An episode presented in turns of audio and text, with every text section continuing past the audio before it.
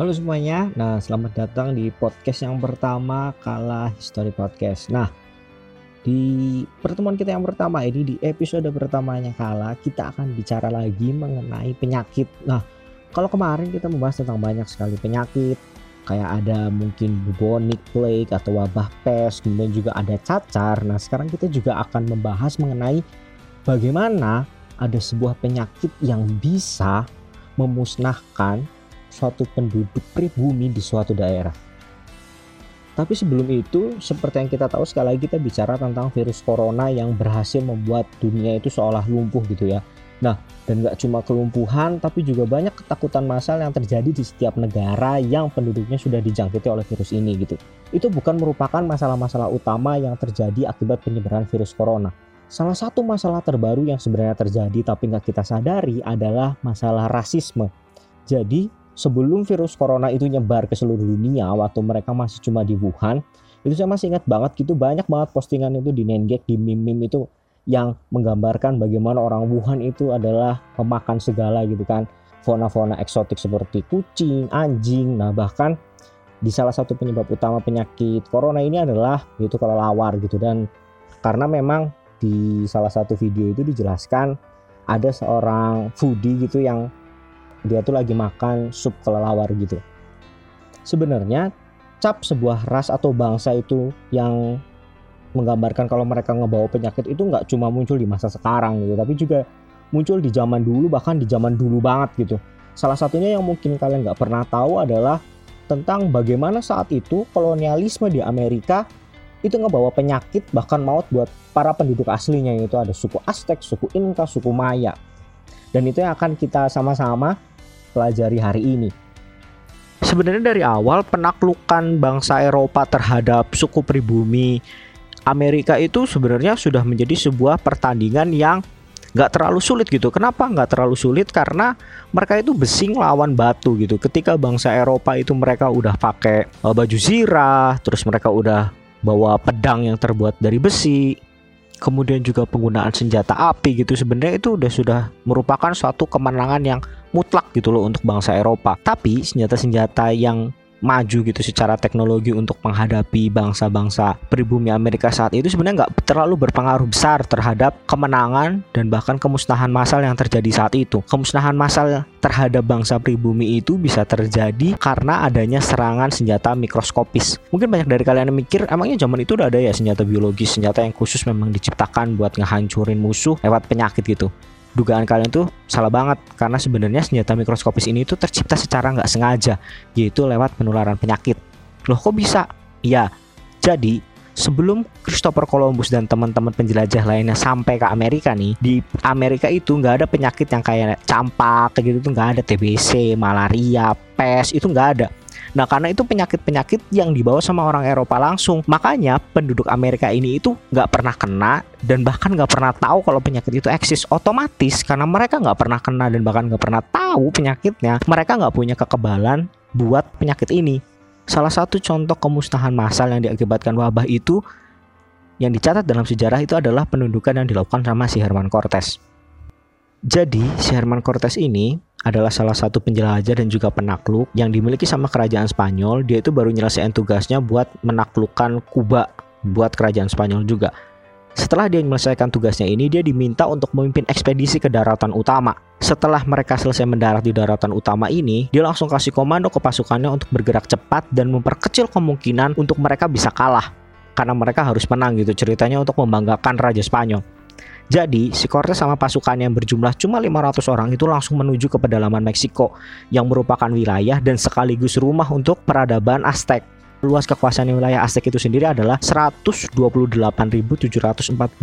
km persegi dan dihuni sekitar 16 juta penduduk. Ini baik penduduk Aztec langsung maupun penduduk-penduduk uh, penduduk lokal lain yang hasil diinvasi sama penduduk Aztec untuk perluasan wilayah. Walaupun si Cortes ini kalah jumlah, dia menyadari bahwa sebenarnya banyak sekali penduduk lokal itu yang nggak suka sama kekaisaran Aztec dan juga pemimpinnya. Karena kenapa? Jadi karena dulu waktu si Aztec melakukan perluasan wilayah, metode yang mereka pakai itu adalah metode penaklukan. Dari rasa tidak suka penduduk lokal inilah yang kemudian membuat Herman Cortes untuk membentuk aliansi sama mereka. Jadi, biarpun mereka kalah jumlah, mereka itu akhirnya tetap berhasil melakukan perjalanan sampai ke ibu kota Aztec yaitu ke te kota Tenochtitlan. Dan yang menyedihkan di sini adalah mereka itu diterima dengan hormat oleh Raja Montezuma kedua. Tapi sayangnya penghormatan dan penerimaan ini dibalas sama si Cortes dengan menawan Raja Montezuma dan menjadikan dia sebagai raja boneka.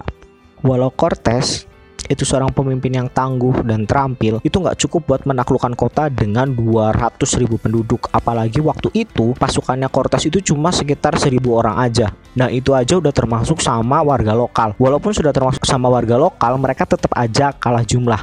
Jadi Cortes itu punya satu sekutu yang sangat membantu sekali dalam uh, pekerjaannya dia buat menundukkan Aztec.